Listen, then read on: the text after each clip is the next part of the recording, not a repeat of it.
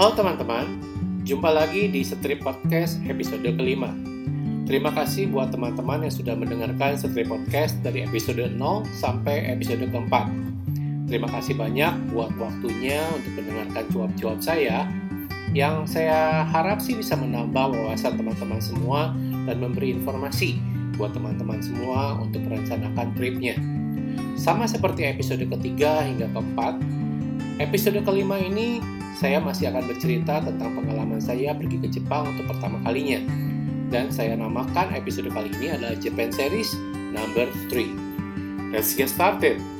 Minggu 26 Agustus 2018 Hari ini kami sudah punya rencana untuk meet up lagi dengan Antonius Andi untuk explore Odaiba, sebuah pulau buatan yang pada awalnya dibangun untuk menjadi tembok buat kota Tokyo dari serangan lawan dan serangan tsunami. Kemudian, pulau buatan ini berkembang dengan sangat pesat menjadi salah satu pusat perekonomian dan hiburan di Jepang. Karena kami baru akan bertemu di pukul 11 siang di Shinjuku Station, maka sebelum waktu itu tiba, saya dan istri saya berjalan-jalan tipis dengan mengunjungi Ameyoko Market atau disebut juga Ameya Yokocho di Ueno. Ameyoko Market adalah salah satu street food area yang terkenal di Tokyo.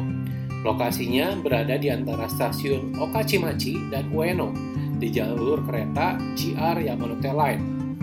Daerah ini terkenal sebagai dapurnya masyarakat Tokyo pada tempat ini, kita tidak hanya akan menikmati masakan lokal dengan harga yang murah tentunya, tetapi juga makanan khas luar negeri yang dijual dengan harga yang menarik pula. Juga restoran-restoran halal. Jadi, buat teman-teman yang mencari makanan halal dan bosan dengan apa yang disajikan oleh 7-Eleven, mungkin Ameyoko Market bisa menjadi salah satu pilihan. Ada yang mengatakan bahwa Ameyoko merupakan singkatan dari Amerika Yokocho atau gangnya orang Amerika karena ada banyak produk Amerika di zaman dahulu kala yang dijual secara bebas di tempat ini. Kini tempat ini berubah menjadi pasar rakyat yang menjual ikan segar, bumbu-bumbu, buah kering, dan makanan ringan dari seluruh dunia. Pakaian, tas-tas, dan sepatu murah. Cerita sedikit ya, ada seorang teman pada trip Jepang saya yang kedua sempat membeli sepatu lokal di Ameyokocho seharga 990 yen karena dia memakai dog mark untuk berjalan-jalan dan merasa tidak nyaman kemudian. Dan sepatu itu masih enak dipakai sampai saat ini. Barang murah yang sama sekali katanya nggak murahan. Buat teman-teman yang pencinta sneakers dan mau mencari sneakers lokal Jepang, terutama merek Asics dan Mizuno, banyak toko di Amiyokocho yang menawarkan sepatu-sepatu itu dengan harga yang miring. Dan buat teman-teman yang punya bisnis just tip, cuan alert nih. Dengan membeli barang-barang di Amiyokocho secara grosir tentunya, teman-teman dapat memperoleh best price yang lebih baik daripada beli di toko retail. Saran saya, datanglah ke Amiyokocho setelah pukul 11 siang, karena banyak restoran dan toko-toko yang buka di siang hari. Karena pada saat itu saya sudah memiliki janji pada pukul 11 siang, jadi saya sudah tiba di Amiyokocho pada pukul 9 pagi dan hanya sempat mengunjungi 100 yen shop untuk berbelanja tipis-tipis. Karena memang menu utama hari itu adalah Odaiba. Sekali lagi ya, Odaiba adalah pulau buatan terbesar di Teluk Tokyo, sebelah timur kota Tokyo. Sama dengan namanya, Daiba atau benteng. Odaiba pada awalnya dibangun sebagai pusat pertahanan secara militer dan tsunami, dan juga merupakan pusat perdagangan di kota Tokyo pada tahun 1853. Odaiba berlokasi sekitar 30 menit dari stasiun Tokyo menggunakan Rinkai Line yang menuju ke Omiya.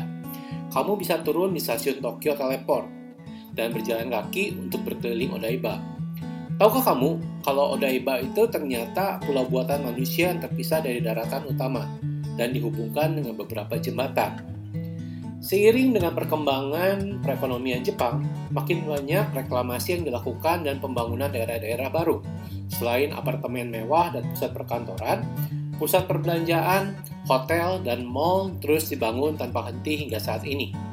Sekarang Odaiba menjadi perhatian turis, terutama mancanegara, karena hiburannya yang unik dan hanya ada di tempat ini saja. Selain itu, hanya di Odaiba saja kita bisa melihat pemandangan Teluk Tokyo dan suasana malam Tokyo dengan indah di malam hari. Sedangkan akses dari Shinjuku Station, tempat saya berjanji dengan Andi, kita tidak dapat menggunakan subway karena harus menggunakan Toei Oedo Line dan disambung dengan menggunakan monorail Yurika Mome dari stasiun Shiodome menuju stasiun Daiba dengan tarif 540 yen selama 40 menit. Tiba pada pukul 12 siang, kami langsung menuju Diversity Tokyo Plaza untuk makan siang tentunya. Mall ini memiliki landmark berupa unicorn Gundam yang dapat berubah bentuk di waktu-waktu tertentu.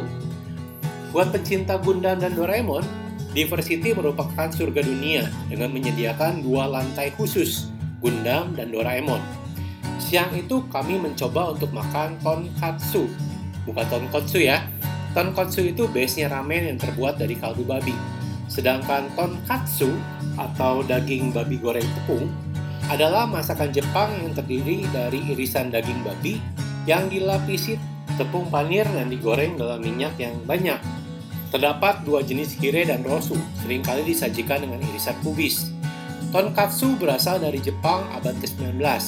Selain disajikan sebagai makanan tunggal, tonkatsu kadang dijadikan isian roti atau dikombinasikan dengan kari Jepang. Makanan ini juga sangat populer di Korea dengan nama donkaseu dan umumnya dijual di restoran-restoran bunsik. Baik bagian filet atau hire ataupun pinggang atau rosu dari daging babi ini ya dapat digunakan. Dagingnya biasanya digarami, dilapisi tipis-tipis dengan tepung terigu, dicelupkan dengan telur ayam kocok dan kemudian dilapisi panko atau tepung roti atau juga bisa tepung panir sebelum akhirnya digoreng dalam minyak yang banyak. Tonkatsu biasanya disajikan dengan irisan kubis.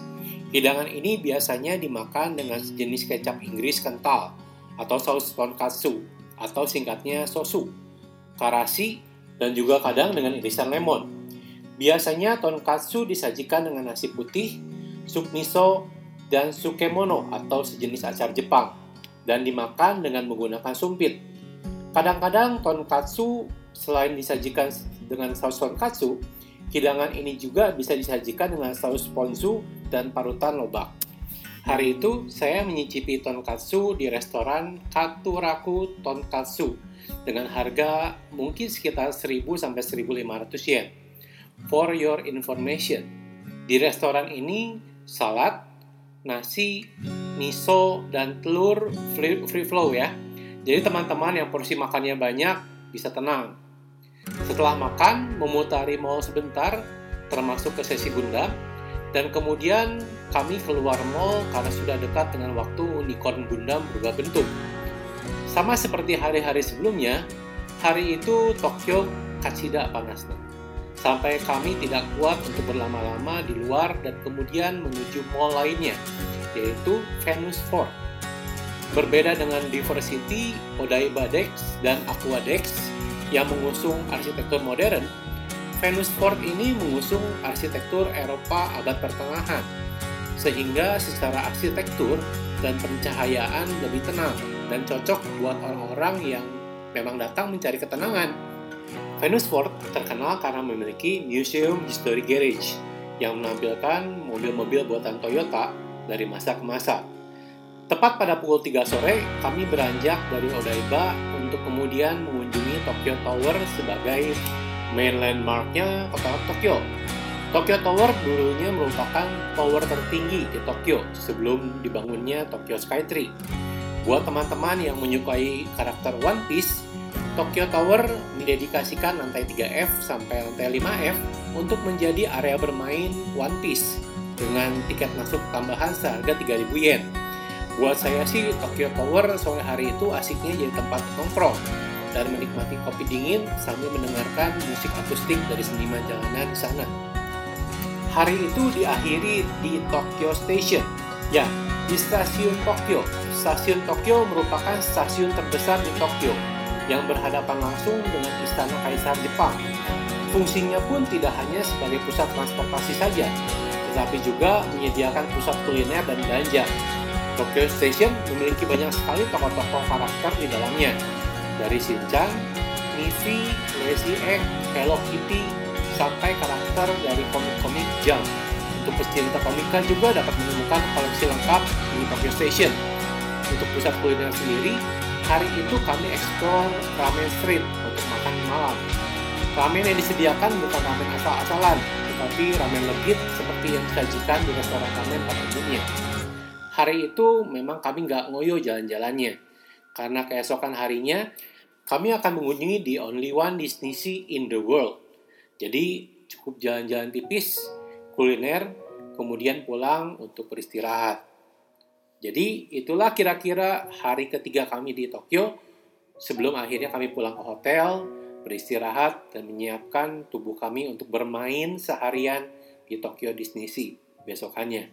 Buat teman-teman yang penasaran seperti apa sih Tokyo Disney Sea itu, tunggu episode ke-6 ya. Bye.